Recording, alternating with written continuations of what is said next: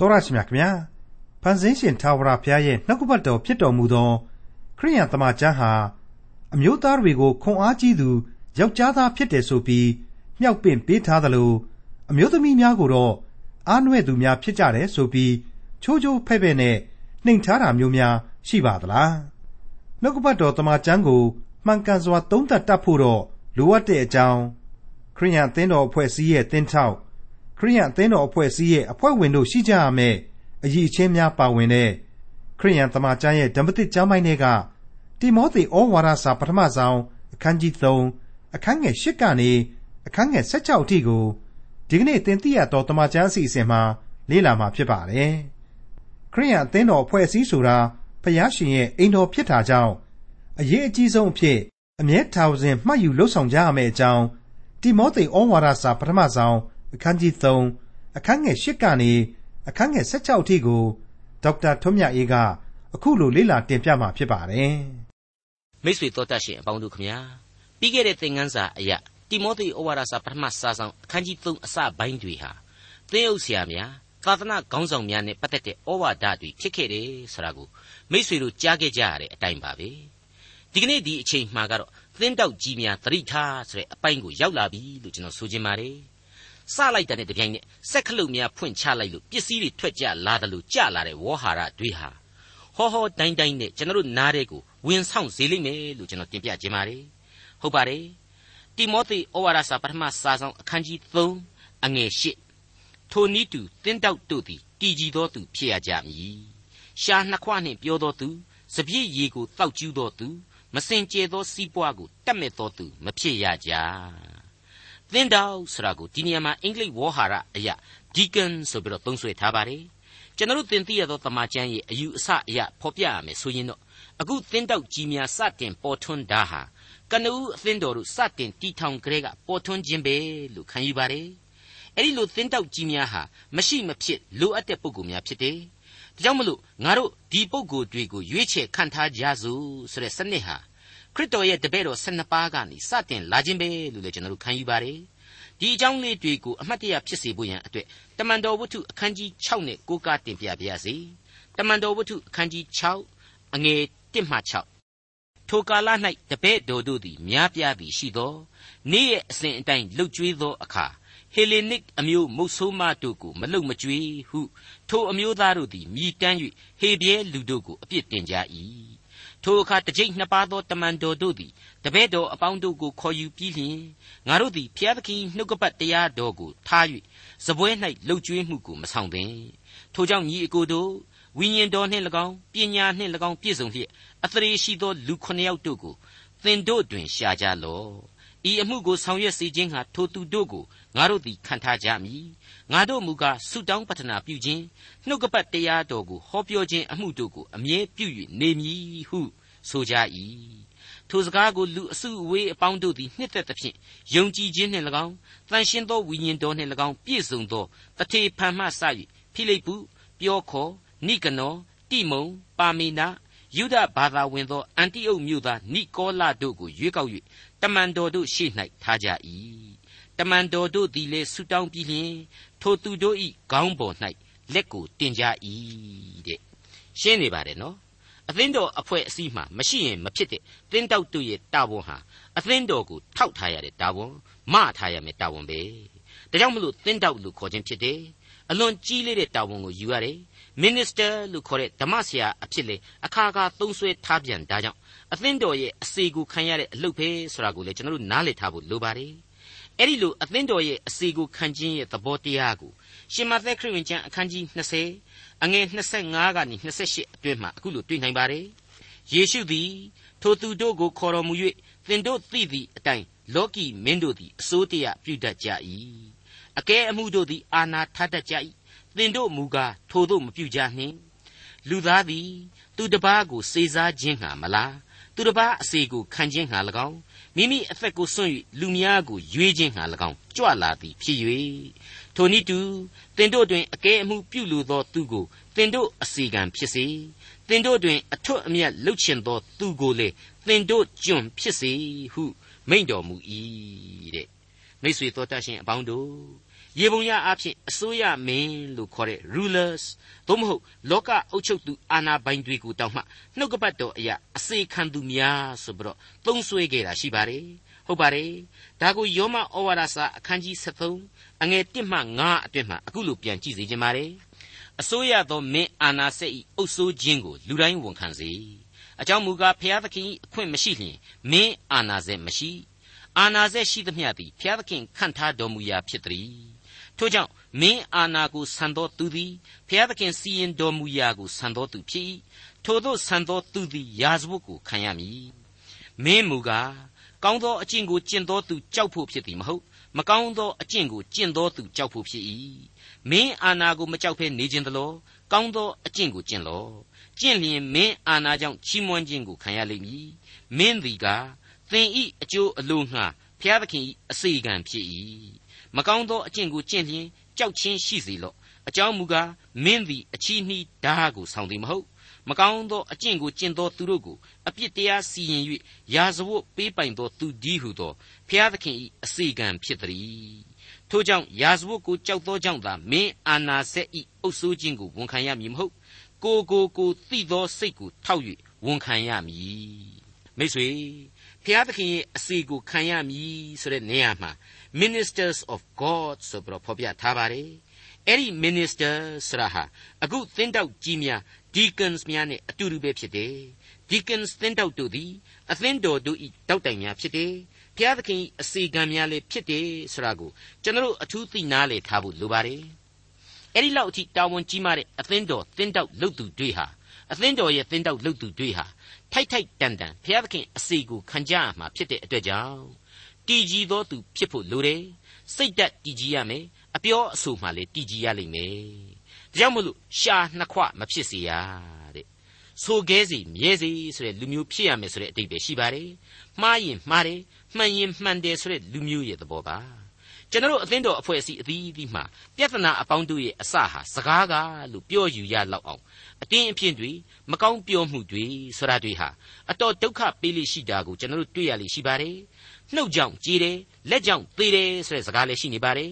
လက်ကြောင့်သေးုံသာသေးတယ်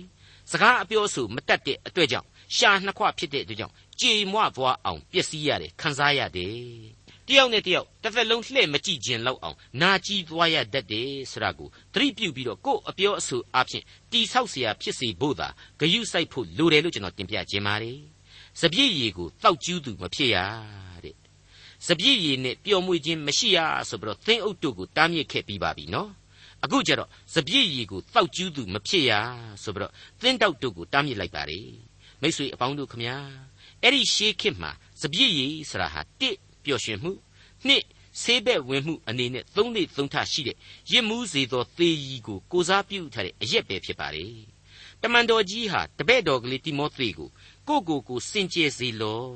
သင်စိတ်ထဲ၌အကျိုးဖြစ်စေခြင်းဟာ၎င်းမကြာမကြာခံရသောယောဂကြောင့်၎င်းယခုမှစ၍ရေကိုသာမတောက်ဖဲစပြည့်ရည်အနည်းငယ်ကိုသုံးလောဆိုပြီးတော့အကြံပြုထားခဲ့တာကိုအခန်းကြီး9အငယ်23ကျရင်ကျွန်တော်တို့တွေ့ကြရအောင်မှာပါမိတ်ဆွေ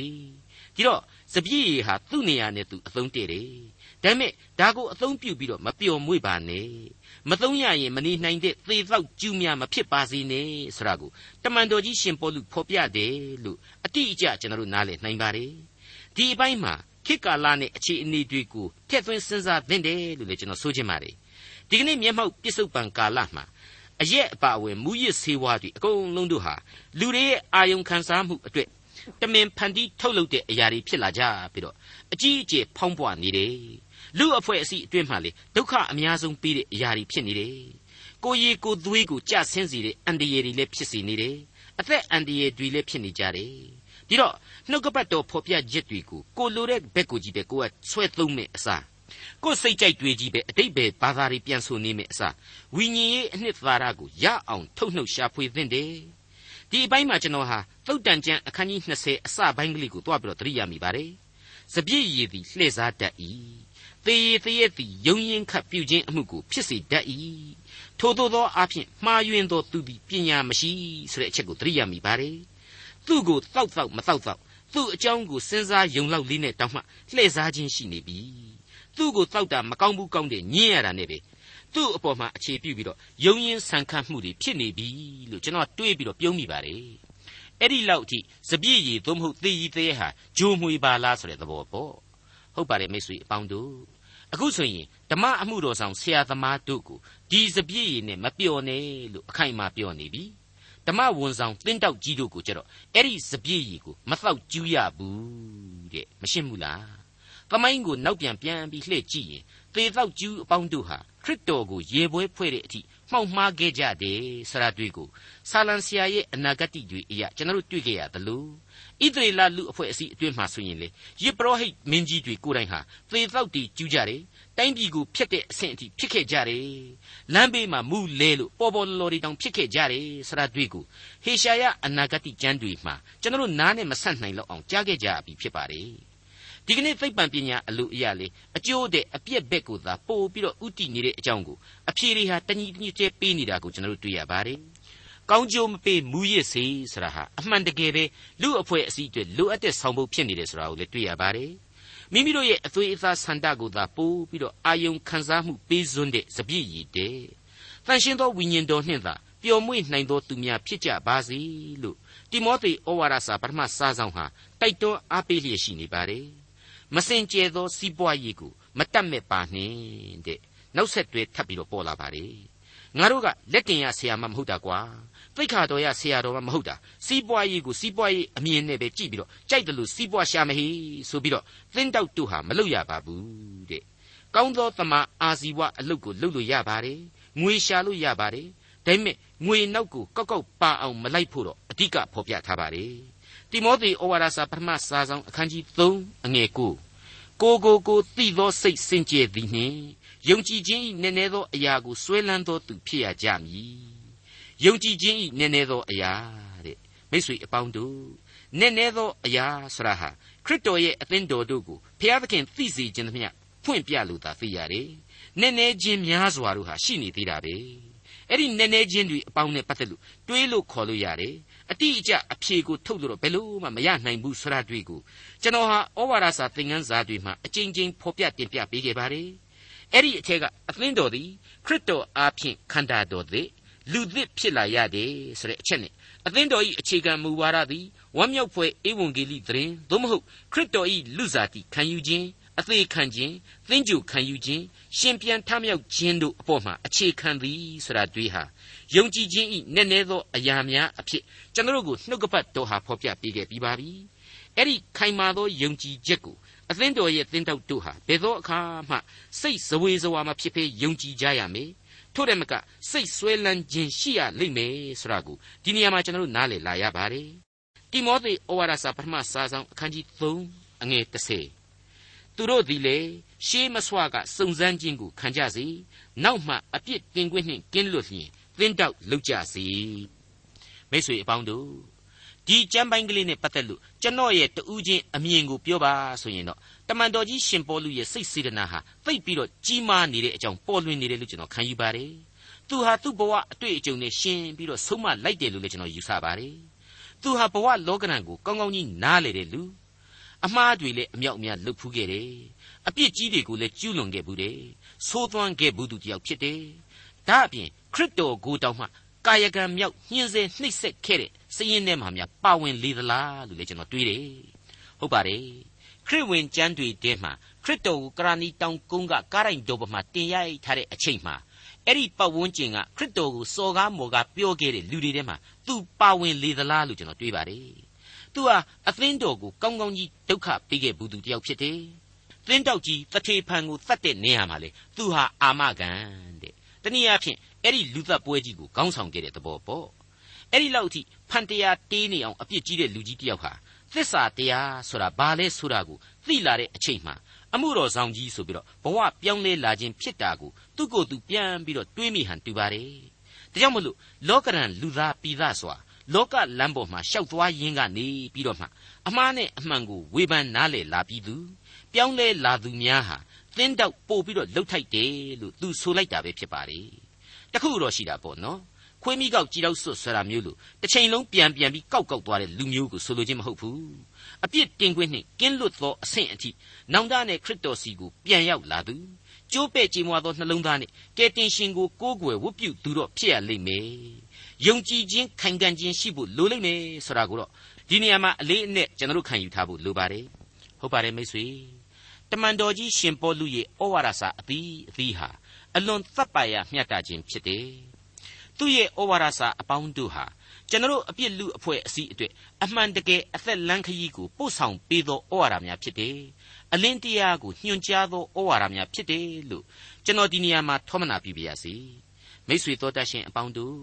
အခုအချိန်မှတော့အမျိုးသမီးများအလေးထားဆိုတဲ့ဂန္ဓအပိုင်းအခြားကိုထပ်မံပြီးတော့တင်ပြဖို့ရှိလာပါတယ်။ဒီအပိုင်းမှာပါဝင်တဲ့အမျိုးသမီးများဆိုတာဟာအထက်ကဖော်ပြခဲ့တဲ့သင်းအုပ်နဲ့သင်းတောက်များရဲ့ဇနီးမယားများဖြစ်ကြတယ်ဆိုတာကိုစာအသွားအလာအရကျွန်တော်တို့သဘောပေါက်နိုင်လောက်ပါတယ်တိမောသေဩဝါဒစာပထမစာဆောင်အခန်းကြီး3အငယ်7မှ73ထိုနည်းတူမိမတို့သည်တည်ကြည်သောသူဖြစ်ရကြမည် ချောစားတတ်သောသူမဟုတ်တမာတရိရှိသောသူအရာရာ၌တစ္ဆာရှိသောသူဖြစ်ရကြမည်သင်တောက်သည်မယားတယောက်ကြီးရှိရမည်မိမိသားသမီးနှင့်အိမ်သူအိမ်သားတို့ကိုကောင်းမွန်စွာအုပ်ချုပ်တော်သူဖြစ်ရမည်အကြောင်းမူကားသင်တောက်အမှုကိုကောင်းစွာဆောင်ရွက်သောသူတို့သည်မိမိတို့အဖို့ကောင်းသောအရာကို၎င်းယေရှုခရစ်ယုံကြည်ခြင်း၌ရဲရင်ခြင်းတတ္တိကို၎င်းအမျက်ရကြ၏မိတ်ဆွေအပေါင်းတို့ခမညာ မိမတွေဟာယောက်ျားတွေနဲ့ဒိုးရူပေါင်းပဲတည်ကြည်ရမယ်တဲ့ဒါဟာသိအရေးကြီးတဲ့အချက်ဖြစ်လို့တမန်တော်ကြီးတမင်ဖော်ပြလိုက်တာပဲအသင်းတော်ကိုထိတ်စည်းကနေအုပ်ချုပ်ရတဲ့ကိုခင်မွန်းသေးတို့အတွက်အလွန်အားပြုရလောက်တဲ့မိမသည်ဖြစ်ရလိမ့်မယ်ဆိုတဲ့အတိတ်ပဲကိုတမန်တော်ကြီးဆိုလိုပါတယ်ကိုယောက်ျားလမ်းမလွယ်ဘူးမတိမ်မချော်ဖို့ရန်အတွက်ကိုဟာတာဝန်ယူရတယ်ဆိုတဲ့အတိတ်ပဲပါပဲ ကျွန်တော်တို့ဟာကဘာဦးကျမ်းသင်ခန်းစာတွေမှာကလေးကကဘာဦးမိခင်ကြီးတို့ရဲ့အရေးကြီးလာတဲ့အခန့်ကဏ္ဍတွေကိုတွေ့ကြရပြီဖြစ်ပါတယ်။ဥပမာအာရနဲ့အေဝါဆိုပါတော့အမတ်တမဲ့ကြည့်လိုက်မယ်ဆိုရင်အေဝါကြောင့်ပဲအပြစ်တရားကြီးဟာလောကကြီးကိုလွှမ်းခြုံခဲ့တယ်လို့ထင်စရာပဲ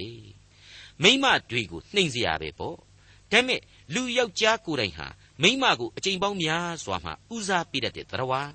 အဲ့ဒီနေရာဖြင့်လေမိမအပေါင်းတို့ဟာဥဆောင်မှုအခန်းကဏ္ဍမှာရှိတတ်တဲ့တတ္တဝါဆိုတဲ့အချက်တွေးကိုသူတို့ရဲ့သမိုင်းဖြစ်စဉ်တွေအပြင်မပြတ်မကွက်နားလေစေပါတယ်အာဗြဟံနဲ့စာရာတို့ရဲ့အပြစ်ကျူးလွန်ခြင်းသမိုင်းမှာလေပဲဒီအတိုင်းပါပဲ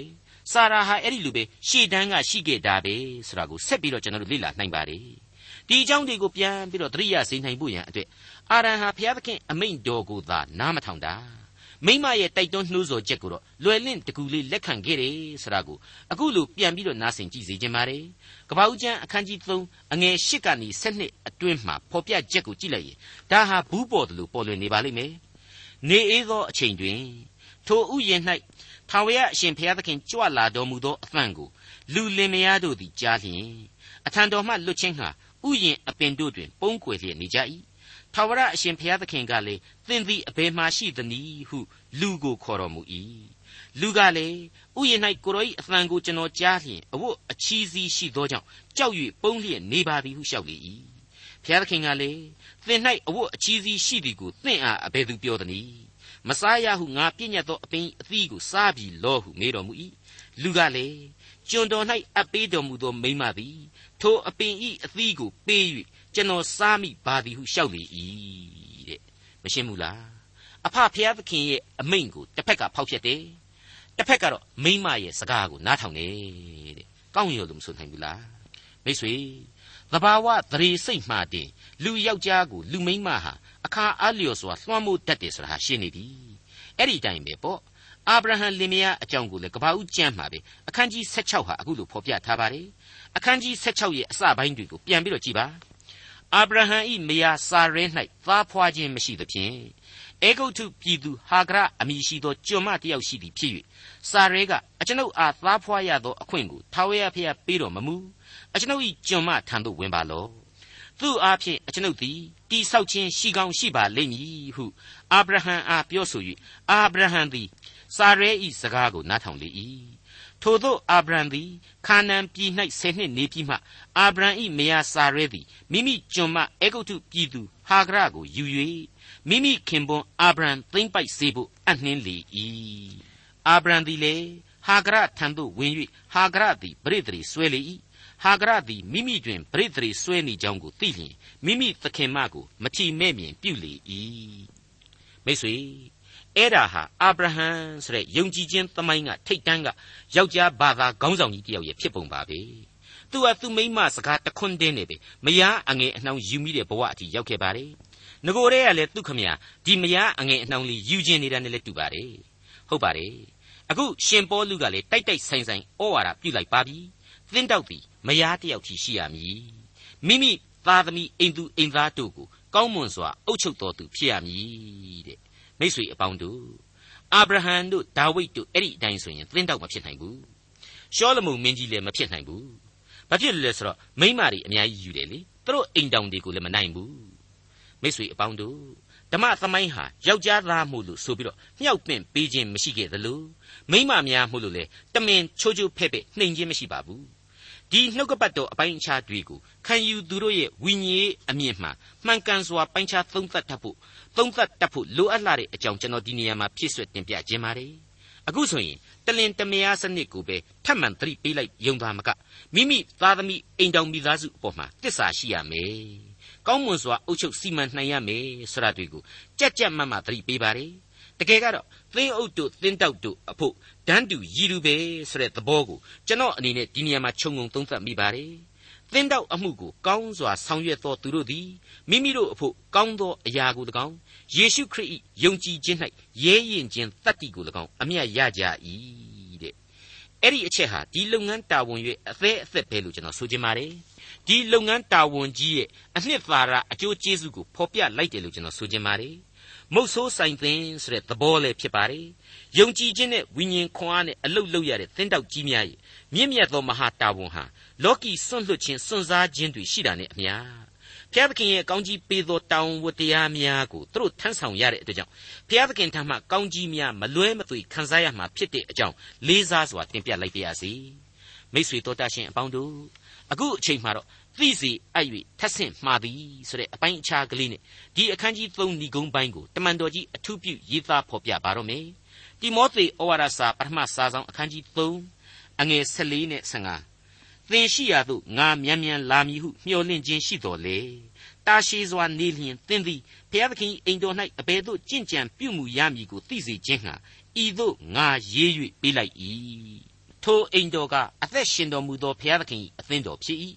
ထိုအသင်းတော်ကသမာတရား၏အမိတကယ်ဖြစ်၏သမာတရား၏တရားလည်းဖြစ်၏တမန်တော်ကြီးဟာမာကေဒေါနီမှာရှိနေလိမ့်မလားသူ့ရဲ့မပြန်လန်းဖြစ်တဲ့အကျဉ်းသားဘဝလားဆိုတာကိုကျွန်တော်သိတော့အတိအကျမပြောနိုင်ပါဘူးဒါပေမဲ့သူ့ရဲ့ယင်ထဲမှာအသင်းတော်အသင်းတော်ဆိုတဲ့ယုံကြည်သူတို့အတူမခွဲလက်တွဲမြဲမြံဘုံဗိမှန်ကြီးစီကိုစိတ်ရောက်နေတယ်ဆိုတာကတော့အမှန်သိတာထင်ရှားနေပါတယ်ဟုတ်ပါတယ်အဲ့ဒါဟာအသင်းတော်ပါငါသိပြန်လာခြင်းနေ ရောက်လာမယ်လို့လည်းငါမျှော်လင့်တယ်ဒါပေမဲ့ထင်တဲ့အတိုင်းများမပေါက်ခဲ့သည်ရှိတော့မှားထားပါရစေ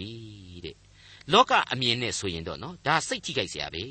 ဒီနေရာမှာအထူးသတိပြုရန်အချက်ကတော့အသင်းတော်ဆိုတာကိုသူချက်ချင်းမဖော်ပြဘူးမသိမသာလေးမြုပ်ကွက်ဆန်ဆန်ဖော်ပြထားတယ်မသိမသာလေးမြုပ်ထားတယ်ဘုရားသခင်အိမ်တော်၌အဘယ်သို့ကြင်ကြံပြုမှုရမည်ဆိုတာကိုငါကိုယ်တိုင်လာပြီးတော့မပြောနိုင်ဘူးဆိုရင်လေမပြက်မကွက်ဆက်ဆက်မင်းသိဖို့ငါရေးပြခြင်းပါလေ ရှင်းစေခြင်းလို့ဖြစ်တယ်ပြတ်သားစေခြင်းလို့ဖြစ်ပါတယ်အဲ့ဒါကတော့တခြားမဟုတ်ပါဘူးထိုအိမ်တော်သည်ဖျားသခင်အသင်းတော်ဖြစ်၏ထိုအသင်းတော်ကသမာတရား၏အမိတကယ်ဖြစ်၍သမာတရား၏တရားလည်းဖြစ်၏တဲ့စောစောပိုင်းတုန်းကမြုပ်ကွက်ကလေးလိုခြံထားခဲ့တာကိုချက်ချင်းအတိတ်ပဲဖော်ပြပေးလိုက်ပြန်ပါတယ်အိမ်တော်သည်အသင်းတော်ဖြစ်၍အသင်းတော်သည်အိမ်တော်ဖြစ်ပါတယ်တဲ့ တဲ့ပို့ပြီးတော့အရေးကြီးနေတာကတော့ထိုအသင်းတော်၌နှုတ်ကပတ်တော်သည်အမိတကယ်ဖြစ်သည်ထိုအသင်းတော်၌နှုတ်ကပတ်တော်ရှိသည်တဲ့မိတ်ဆွေဘလောက်အရေးကြီးလဲတမာတရားဤတီယာအရက်ဖြစ်၏ဆရာဟာနှုတ်ကပတ်တော်တည်ရှိရာအရက်သစ္စာတရားအစစ်အမှန်ရှိရာအရက်လို့ဆိုလိုခြင်းပဲဖြစ်ပါလေမိတ်ဆွေအပေါင်းတို့ခမညာတမန်တော်ကြီးရှင်ပေါလုရဲ့ယုံကြည်ခြင်းတတ္တိဝိညာဏတတ္တိကိုရီကိုသွေးတတ္တိအပေါင်းတို့ဟာ အမခမ်းပဲလို့ကျွန်တော်ဆိုခြင်းပါတယ်ထောမနာလည်းပြုခြင်းပါတယ်ကျွန်တော်သိမလို့လို့နဲ့ဇဝေဇဝါဖြစ်နေတတ်တဲ့အရာနားလေမယောင်ယောင်နဲ့ကြောင်တောင်တောင်ဖြစ်နေလိမ့်ရှိတဲ့အရာဝသဝယောဖြစ်နေတတ်တဲ့အသိပညာတွေကိုတထိုင်တည်းနဲ့သူပေးလိုက်တယ်သူအထက်ကဆုံးမဩဝါဒပြုခဲ့တဲ့အချက်တွေအကုန်လုံးတို့ဟာဘယ်လို့မှညင်းလို့မရတဲ့အဆုံးအမတွေမဖြစ်မနေလိုက်နာအပ်တဲ့အဆုံးအမတွေသမိုင်းကာလတစ်လျှောက်လုံးခံယူတတ်တဲ့အဆုံးအမတွေဖြစ်တယ်ဆိုတာကိုအခိုင်အမာပြညွှန်ပေးလိုက်တာပဲလို့ကျွန်တော်ဆိုချင်ပါတယ် မှန်ပါတယ်ထိုအိမ်တော်ကအသက်ရှင်တော်မူသောဘုရားသခင်အသင်းတော်ဖြစ်၏ထိုအသင်းတော်ကသမာတရား၏အမိတကယ်ဖြစ်၏သမာတရား၏တရားလည်းဖြစ်၏တဲ့ဒီအချက်တွေမှာမူတည်ပြီးတော့ဒီအချက်တွေပေါ်မှာမူတည်ပြီးတော့တမန်တော်ကြီးဟာတိမောသေဆိုတဲ့သူ့ချစ်သောတပည့်တော်ကလေးကိုဝမ်းမြောက်ဖွယ်သောဧဝံဂေလိတရားဆိုတဲ့ခရစ်တော်ရဲ့လူစားတိကိုခံယူခြင်းအသေးခံတော်မူခြင်းရှင်ပြန်ထမြောက်တော်မူခြင်းကောင်းကင်ဘုံသို့တက်ကြွခြင်းအပေါင်းတို့ဟာ အကျွင်းမရှိသောတစ္ဆာတရားများဖြစ်တယ်ဒီတစ္ဆာတရားဟာအသင်းတော်ရဲ့အဓိကယုံကြည်ခြင်းတရားပဲဖြစ်တယ်ဆိုတာကိုအခုလိုဆက်လက်ဖော်ပြပေးလိုက်ပါတယ်မှန်သောကိုးကွယ်ခြင်းဤနည်းနည်းသောအရာသည်ကြီးစွာသောအရာဖြစ်သည်ဟုညင်းခုန်ရန်မရှိဖျားသခင်သည်ကိုခန္ဓာ၌ပေါ်ထွန်းတော်မူပြီးဟုတ်မှန်တော်မူခြင်းအကြောင်းသည်ဝိညာဉ်တော်အားဖြင့်ထင်ရှားပြီးကောင်းကင်တမန်တို့သည်ကိုတော်ကိုရှုမြင်ရကြပြီ တပားမျိုးသားတို့သည်သတင်းတော်ကိုကြားရကြပြီလောကီသားတို့သည်ယုံကြည်ရပြီဘုံအသရေနှင့်တကွအထက်သို့ဆောင်ယူခြင်းကိုခံတော်မူပြီဒေါက်တာထွန်းမြတ်ရေးစီစဉ်တင်ဆက်တဲ့တင်ပြတော်တမချန်းအစီအစဉ်ဖြစ်ပါတယ်နောက်တစ်ချိန်အစီအစဉ်မှာခရိယန်တမချန်းရဲ့ဓမ္မသစ်ကျမ်းပိုင်းတွေကတိမောသေဩဝါဒစာပထမဆုံးအခန်းကြီး၄အခန်းငယ်၁ကနေအခန်းငယ်9အထိကိုလေ့လာမှာဖြစ်တဲ့အတွက်စောင့်မျှော်နားဆင်နိုင်ပါတယ်။